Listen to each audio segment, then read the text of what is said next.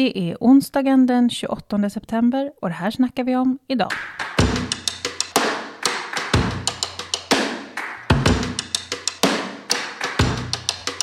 Eftervalsanalysen pågår och det finns många frågor att gräva ner sig i. Hur såg mediebilden ut av Vänsterpartiet under den långa valrörelsen? Och hur kom de frågor som dominerade valrörelsen upp så tydligt på dagordningen för väljarna? Detta snackar vi om idag. I studion finns jag, Anna Herdy och Vänsterpartiets kommunikationschef Jenny Lindahl. Jenny, välkommen. Tack. Hur är läget? Det är, det är toppen och botten kan man säga. För att eh, jag vet inte, om man, om, man, eh, om man känner mig så vet man kanske att jag har ett, ett problem med att gräva ner mig i saker ibland. Eh, ibland när saker tar lång tid att bli färdigt så beror det på att jag har verkligen grävt ner mig i någonting. Eh, och nu finns det så mycket att gräva ner sig i som du säger. Och bland annat så har vi gjort en, en, beställt en egen eftervalsanalys och där finns det ju då inte bara siffror att titta på utan också till exempel har väljarna som val, övervägde att rösta på Vänsterpartiet men valde att låta bli fått skriva i fritext varför. Det är ju mycket att gräva ner sig i. Att sitta och koda de svaren till olika kategorier så man kan göra diagram av det. Mm. Det, är, det, är ett stort jobb. Ja. ja. Och det, toppen och botten då, därför att det är både tillfredsställande att få svar, men också väldigt deppigt att sitta och läsa väljare efter väljare som motiverar varför de valt bort oss. Mm. Då blir man ju på dåligt humör. Absolut. Vi ska prata lite om idag vilka frågor som dominerade valrörelsen och hur de har kommit dit. Vi har ju ställt frågor till i den här eftervalsundersökningen om hur väljarna uppfattade valrörelsen och vad den handlade om. Och vi ska prata lite om det och sen ska, ska vi prata lite om liksom Vänsterpartiets formkurva under den här valrörelsen och vad som, när vi fick ett stort genomslag och ja. när vi inte fick det. Ja. Jag tänkte att vi skulle börja med, hur såg valrörelsen ut enligt väljarna? Precis, vi har ju, det har ju säkert många uppfattat i, det, i liksom eftervalsdiskussionen, så är det många vänsterpartister som säger det berodde på att debatten inte gynnade oss. Det som var på agendan, så att säga, det var inte saker som vi tjänade på. Och hur såg det då ut? Jo, väljarna har svarat på, det här är 12 000 väljare som har svarat, och eh, de har då svarat på frågan, vad tycker du i huvudsak att valrörelsen har handlat om? Kan du, kan du gissa, eller du har ju sett det här, du vet vad som kommer etta va? ja, det är väl eh, kriminaliteten? Nej, Nej, det brukar ju vara, jo det kommer på del av detta. Ja. Eh, elpriserna mm. eh, har den handlat om. Och sen på, på, men anledningen till att jag tycker att den kan räknas som etta är att på eh, fjärde plats kommer kärnkraften, vilket ju kom in via elpriserna. Mm. Så det är liksom mycket kring el, energi, kärnkraft. Mm. Och sen så samma, samma antal eh, procent har brottsligheten och skjutningar. På tredje plats tjafsande och pajkastning. Här har ju väljarna fått skriva själva eh, vad de vill så att säga, så de har inte bara behövt välja på olika svarsalternativ. Och då kommer tjafsande och pajkastning som en sammanfattning väldigt högt. Sen var det kärnkraften då. Sen så på femte plats, hur vissa partier ska undvika att SD får inflytande efter valet. Mm. Det är 39 procent som har svarat man har fått välja tre eller flera svar. Mm. 39 procent tycker att valrörelsen har handlat mest om det. Mm. Ja, men det säger ju en hel del. Noll av de här frågorna kanske är våra huvudfrågor, även om vi pratar också om Sverigepriser och så. Ja, grejen är att här skulle man ju önska att elpriserna gynnade oss eftersom vi redan ett år innan valet mm. var igång med att liksom analysera det här. Vi hade en elmarknadsrapport, vi höll på med liksom elmarknadsfrågor, vi hade modell. Vi var verkligen bättre förberedda än de andra partierna på den här frågan mm. och på att det skulle uppstå kanske kriser och så. Mm. Eh, men... Och i sanningens namn så var vi väl också de enda som nu i efterhand också får rätt. Ju. Ja. Eh, för att det kan inte bara handla om att man ska ge pengar till hushållen för att kompensera för de här höga elpriserna. Vi menar ju också att man måste ändra på prissättningen. Ja, det här har vi fått rätt och jag menar, vi har ju en modell eh, för hur det här ska gå till. Men på något sätt så blev inte den modellen någonting som diskuterades i valrörelsen. Och jag tror att det berodde på att dels har ju såklart andra partier inte så mycket intresse av att diskutera andra partiers förslag. Men okej, okay, visst är det tröttsamt att bara skylla på Socialdemokraterna hela tiden. Men hur Socialdemokraterna väljer att ta debatter är ju alltid intressant när det gäller vissa frågor, då tänker de så här, högern vinner ändå, så vi triangulerar. Vi säger samma sak som högern och så hoppas vi att väljarna blir tillräckligt förvirrade för att eh, inte det ska spela till högerns fördel. När det gäller kärnkraften så gjorde de lite så, men mest tvärtom. Det vill säga, högern säger då, de dyra elpriserna, det beror på att vi stängde ner Ringhals reaktorer. Magdalena Andersson säger, det gör det inte alls, det beror på Putin. Och grejen är att båda har ju rätt. Och Vänsterpartiet har mest rätt, det vill säga att vi har höga elpriser, det beror ju på hur elmarknaden ser ut, att vi tvingas exportera el till högre priser som driver upp priserna. Men att vi har brist på el, ja, det har ju också med det att göra, för att vi producerar mer el, men vi skulle kunna ha mer el i Sverige så att säga om vi hade kärnkraft. Så att då hade flödet av el varit större och då hade priserna varit lägre. Och samtidigt också då, så Putin är ju eh, såklart orsak till att Europasituationen har uppstått. Mm, det är därför som de eh, andra europeiska länderna vill handla el. Exakt. Väldigt dyrt utav oss. Tyskland köper el av oss istället för eh, gas och grejer av eh, Putin och eh, då drivs priserna upp. Så att alla har ju rätt här. Eh, men i och med att S valde en konfrontation här väldigt mycket så, så är ju liksom hela debatten kommer att handla om huruvida det är kärnkraften eller Putin som är orsaken och då tjafsar man om det. Är det Magda-priser eller är det Putin-priser? Ja. Och det blir den enkla bilden som fastnar. Ja, och här är liksom, det tycker jag är en oärlig debatt. Och det kanske var därför vi hamnade lite off i den också, eftersom vi hade hållit på och jobbat på riktigt så mycket med elfrågorna. Då kanske det blev liksom som att vi inte riktigt ville ge oss in i pajkastningen, mm. utan ville faktiskt att folk skulle ta vårt förslag på allvar, vilket de inte gjorde för de var helt upptagna mm. av det här. Mm. Om vi då går till plats två på den här, vad väljarna tycker att valrörelsen har handlat om, så är det ju kriminaliteten. Ja, och eh, här har vi ju en dynamik som är gammal, som består av olika delar. En del är att Sverigedemokraterna i, och extremhögern överhuvudtaget, eh, de här alternativmedierna och så vidare, i ungefär 20 år, kanske mer, 20 år ungefär, mm. har jobbat jätte, jättehårt på att etablera en koppling mellan invandring och brottslighet. Genom att helt enkelt bara tjata samma story. Titta, här har det begåtts ett hemskt brott. Titta, det har begåtts av en invandrare. Se här hur det går. Och så kör man bara den om och om igen. Och därför så är det ju viktigt för de som vill minska invandringen eller för de som vill att folk ska rösta på dem för att de vill minska invandringen, som SD till exempel. Tyvärr så måste man säga till exempel, ja. för att det är så fler som har anslutit sig till den världsbilden. Men då blir det viktigt att etablera det sambandet och att då också få upp brottsligheten på mm. dagordningen. Och vilket ju också är lätt, därför mm. att medierna har en tendens att prioritera brottslighet före andra historier eftersom det är en bättre historia ofta. Mm. Mer drama, mer mm. konflikt, mer, mer klick, mer nyhetsvärdigt. Mm. Där har vi liksom en symbios av saker som är sen gammalt. Mm. Sen har vi dessutom att det faktiskt har, är så att det har ökat. Skjutningarna har blivit ett jätteproblem i mm. Sverige. Ja, gängkriminaliteten är liksom ett reellt, ja. i, på vissa håll, systemhotande liksom, Exakt. fenomen. Mm. Exakt, för att det här problemet, den här dynamiken, mm. den fanns ju ärligt talat innan brottsligheten ökade. Mm. Den, är liksom, den har egentligen inte med brottsligheten i sig att göra. Mm. Och då har vi andra gånger kunnat säga så här, men, säg för tio år sedan eller något, att eh, men titta på brottsstatistiken. Mm. Brottsligheten ökar ju inte. Det är mm. bara er larm, ett larmande som mm. ökar. Mm. Men nu kan man inte säga det heller. Och då är det svårt att kontra. Får jag kasta in en, eh, en sak här? Redan i september 2020 så hände ju det att Socialdemokraterna också skiftar. Det vill säga, de börjar helt plötsligt erkänna att det finns det här sambandet mellan eh, kriminalitet och invandring. Alltså de kopplar ihop de två du sakerna. Du kan pinpointa det till september 2020? Eh, ja. ja, det är en utfrågning i Aktuellt helt enkelt. När han gör, han gör liksom en 180-vändning egentligen. För Socialdemokraterna har tidigare förklarat kriminalitet och brottslighet med att det handlar om eh, klass och om liksom hur välfärdssystemet raseras. Mm. Eh, och att det gör att människor eh, också blir kriminella och att kriminella element klarar av att ta över olika eh, funktioner på det viset. Eh, men i Aktuellt så låter det då an annorlunda från Stefan Löfven eh, den eh, 9 september 2020. Eh, man, får, man ger ju liksom högen rätt eh, på ett sätt. Jag tänker att det ändå har en bidragande orsak, när man helt plötsligt då byter.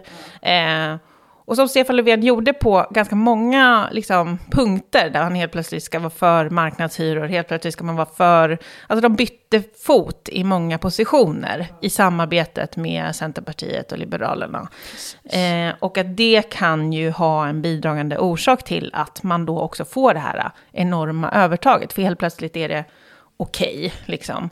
Mm. Och det är ju också under den här tiden som eh, Kristersson tar in dem i värmen i den meningen att ja, men vi ska bygga liksom, någon form av enighet. Du kommer ihåg de här partiledardebatterna, när mm. de skriver en debattartikel tillsammans samma dag som partiledardebatten, och får de alla partiledardebatter att handla om det. Att brottsligheten inte gynnar oss som... Brottsligheten gynnar ju inte någon egentligen, men den gynnar ju Moderaterna och Sverigedemokraterna och Kristdemokraterna. Så det är ju sen gammalt och sen så kärnkraftsdebatten, den var eh, oväntad men den kom också att gynna högern. Mm. Jättemycket. Mm. Eh, man tittar på SDs siffror, mm. så just kärnkraften var en, ett viktigt skäl för SD-väljare att välja SD. Mm. Och där ska man väl säga att de också har varit tidiga på det. Ja. Eh, de har jobbat med den frågan och kärnkraften under Precis. en lång tid. Det har de och de har eh, hela högen samlat har jobbat mm. kring det här. Mm. Här, har de, här är de helt överens. Det var väl därför också de tänkte ha en kärnkraftsbussturné. Eh, mm. Som inte var någon turné utan bara ett besök och så vidare. Men de hade ändå en stripad buss. Mm. Tydligen. Så för Ny ett kraft besök. för Sverige. Mm. Men eh, så de har ju verkligen varit eniga och de har jobbat åt samma håll och det har varit supertydligt och så vart de vill. Man kan väl säga på rödgröna sidan har ingen hjälpts åt med någonting egentligen eh, vi har strävat efter att etablera olika verklighetsbilder och där Socialdemokraterna har jobbat i en annan riktning än alla tre andra partier egentligen, mm. där, till exempel när det gäller brottslighet. Mm. Om man då tänker tvärtom, vad skulle ha gynnat Vänsterpartiet då? Ifall debatten hade varit optimal för oss, mm. då är det ju ett antal frågor som eh, man kan anta skulle gynna oss och ett antal frågor som vi vet gynnar oss. Mm. Eh, om man börjar med att titta på vilka frågor som, är, som väljarna tycker att vi är starkast på, mm. så är det ju den här gången, ja, det är klimat, mm. eh, det är skola och sjukvård. Mm. Det är lite ovanligt att vi har en kombination, alltså att det inte är, att det är mindre utav ideologi ändå, mm. mindre utav värderingar mm. och mindre utav mot SD och så vidare, mm. vilket är starkt på andra partier. Mm. Miljöpartiet, Centerpartiet har jättehögt på att man röstar på dem för att man ogillar SD till exempel. Mm, sossarna har det på... Eh, sossarna har det också. Ja, eh, och, Magdalena. Och att man Magdalena. Mm, mm. Så, men på, på, när det gäller oss så är det sakfrågorna. Mm. Eh, och, eh, och det är alltså att vi har skola som skäl till mm. att rösta på Vänsterpartiet. Mm. Är, tror jag, nytt. Eh, jag tror inte vi har liksom klarat av det förut. Eh, men tyvärr handlade ju inte riktigt valet om de frågorna. Mm. Och vi lyckades inte sätta... När det gäller skola så försökte vi sätta det på dagordningen. Mm. Vi ville göra det mm. till en stor fråga. Mm. Och vi tänkte att, ja, vi sätter marknadsskolan som ett ultimativt krav till regeringen. Att det får vara det som vi kräver att få igenom i förhandlingarna. Vi måste avskaffa marknadsskolan. Och sen tänker vi då att spelfrågorna kring regeringsfrågan, som ju alltid blir stora, mm. det kommer hjälpa oss att få in då marknadsskolan som en avgörande valfråga. Mm. Men spelfrågorna blev inte så stora.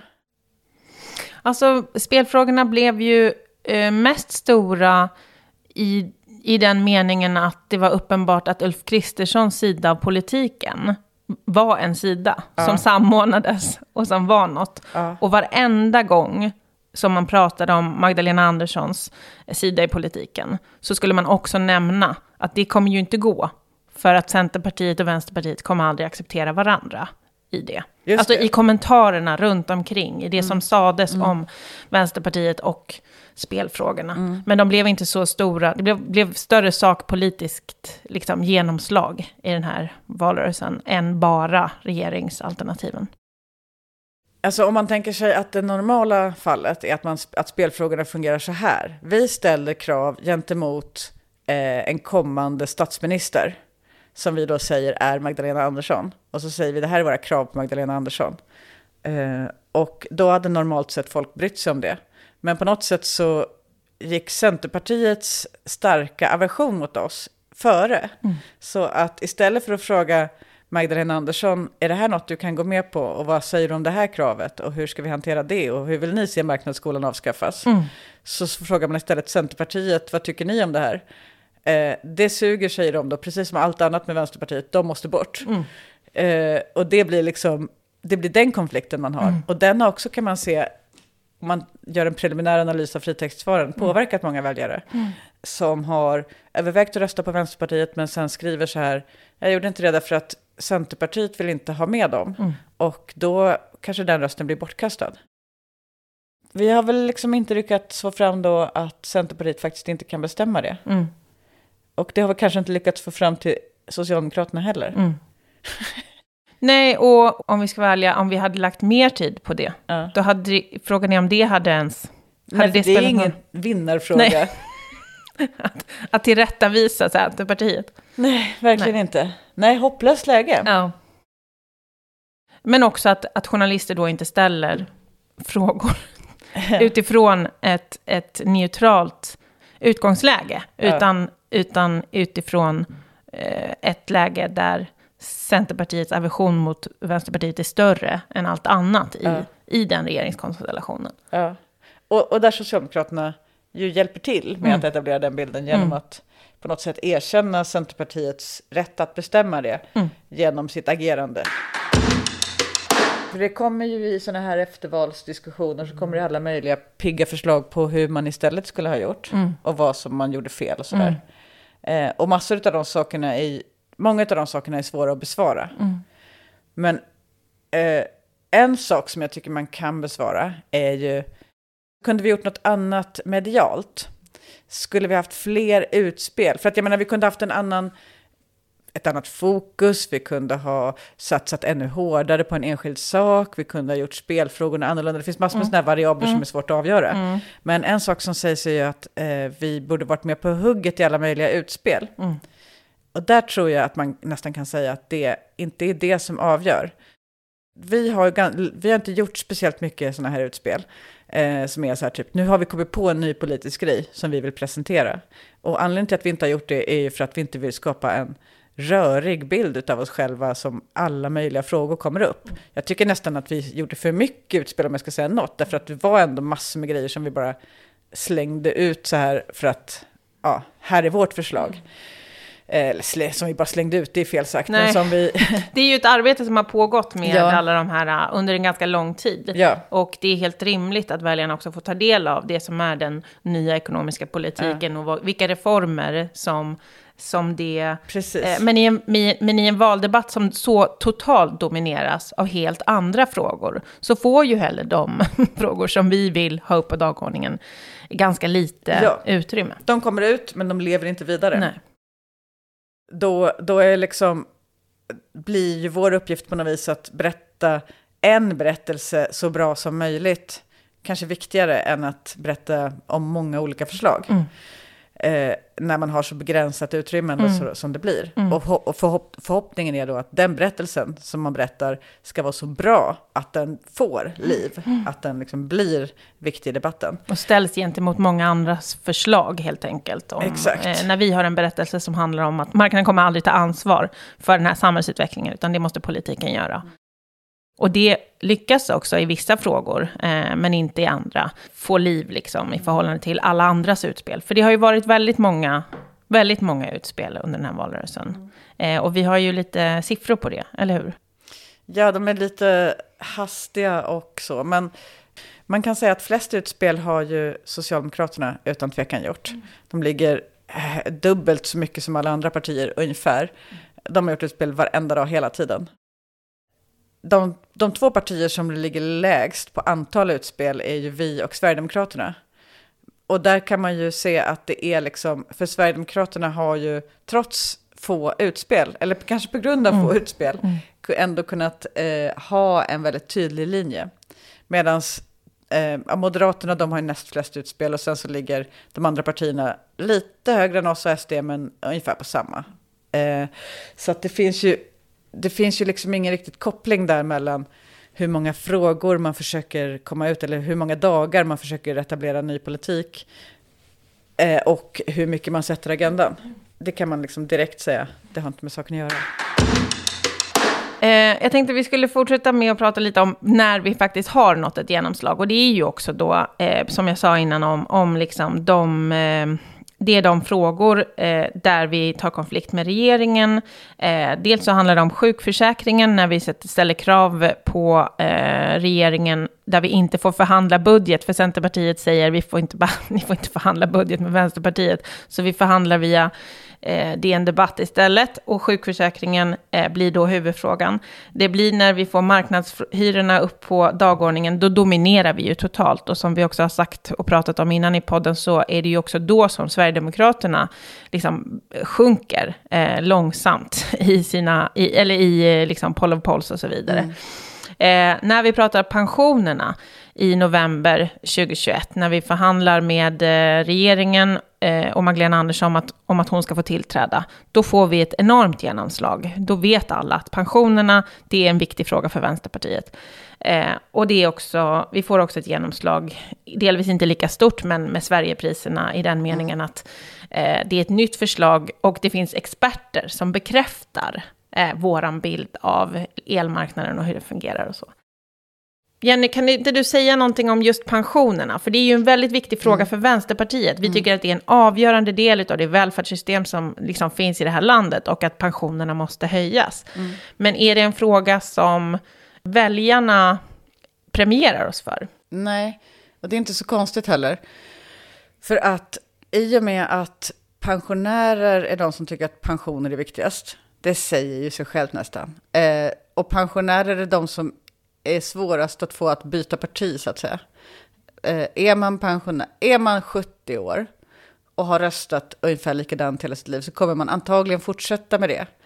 Eh, och man ser ändå så här, jag menar det värmer hjärtat att se i svaren på de som har skrivit, eh, en, en skriver, och det gissar jag är en pensionär då, jag har fått 1600 kronor mer i månaden tack vare Vänsterpartiet. Eh, och det var alltså en som förklarade varför den övervägde att rösta på Vänsterpartiet. Sen gjorde den inte det ändå. Eh, men det var ändå de här 1600 kronorna, jag fick ju dem av Vänsterpartiet. Så kanske ska jag rösta på dem. Men nej, jag röstar som jag brukar. För att man röstar efter värderingar och värderingar sitter djupare än så.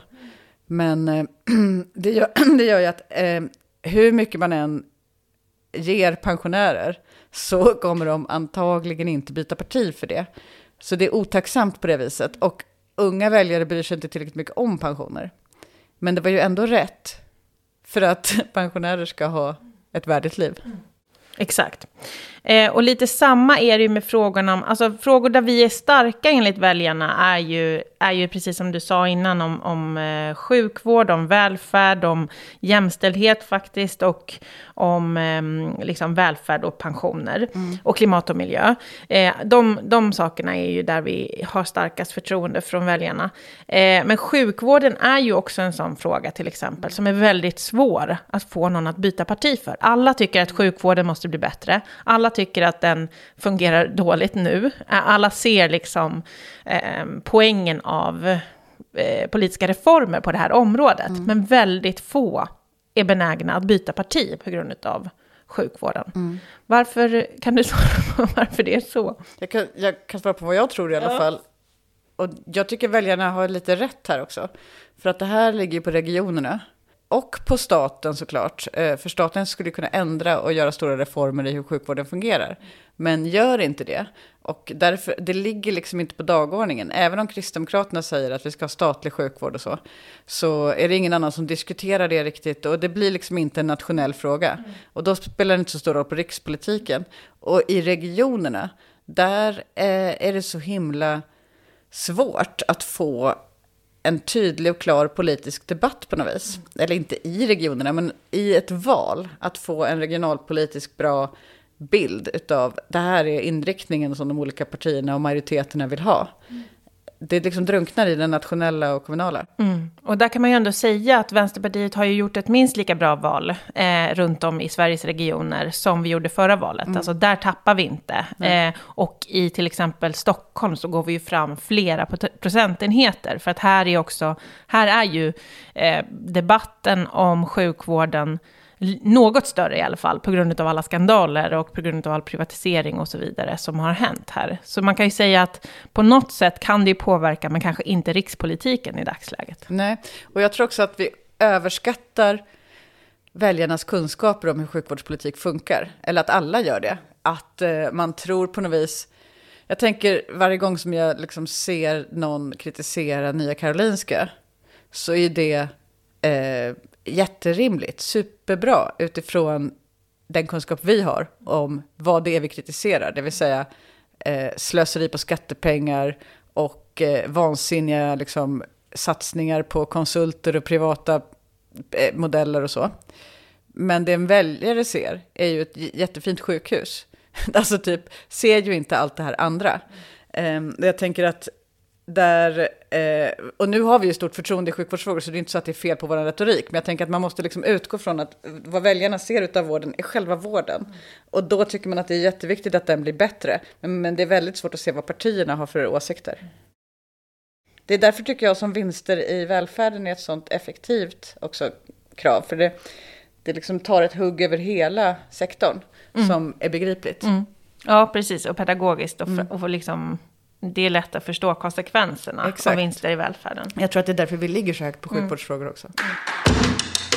Klimatfrågan ligger ändå ganska högt, även om de inte ligger bland de högsta. En del partier hade ju hoppats på att det skulle bli liksom ett klimatval, och det eh, kan vi väl säga att det inte blev. Vad kan man säga om, om Vänsterpartiets förtroende när det kommer till klimatfrågan? när det gäller klimatdebatten så har ju väljarna högt förtroende för Vänsterpartiets politik. Om det är så att det borde varit högre, eh, om det är så att Miljöpartiet har tagit väljare från Vänsterpartiet på, på, klimatpolitiken, eller om det är så att det är taktikröster huvudsakligen, eller om det är så att, att det har hänt någonting i väljarnas bild av Vänsterpartiet och klimatpolitiken, det tycker jag är frågor som vi behöver analysera noggrannare, för det är föremål för en intern diskussion. Och eh, är det så att det har skett en förändring i väljarnas relation till oss när det gäller klimatpolitiken så kan man också diskutera vad den beror på. Beror det på att vi, det, vi gjorde en förändring i vad som skulle satsas på, det vill säga eh, det som politiken kan genomföra, de stora omställningarna, investeringarna? Eh, eller är det så att det är uppfattningen om vad vi försökte göra, eh, bland annat filtrerat genom de som kritiserade dess ord? Eller är det så att eh, det bara är att vi inte fick genomslag? Allt det där tror jag är för tidigt att besvara. Idag har vi pratat om vilka frågor som dominerade valrörelsen och varför och hur mediebilden av Vänsterpartiet sett ut som den gjort under den långa valrörelsen. Vad tycker du att vi ska prata om i kommande avsnitt? Gör som många redan gjort till en tradition. Skicka in ditt förslag på ämne till podd och det ska vara podd med 2D. Tack för att ni har lyssnat.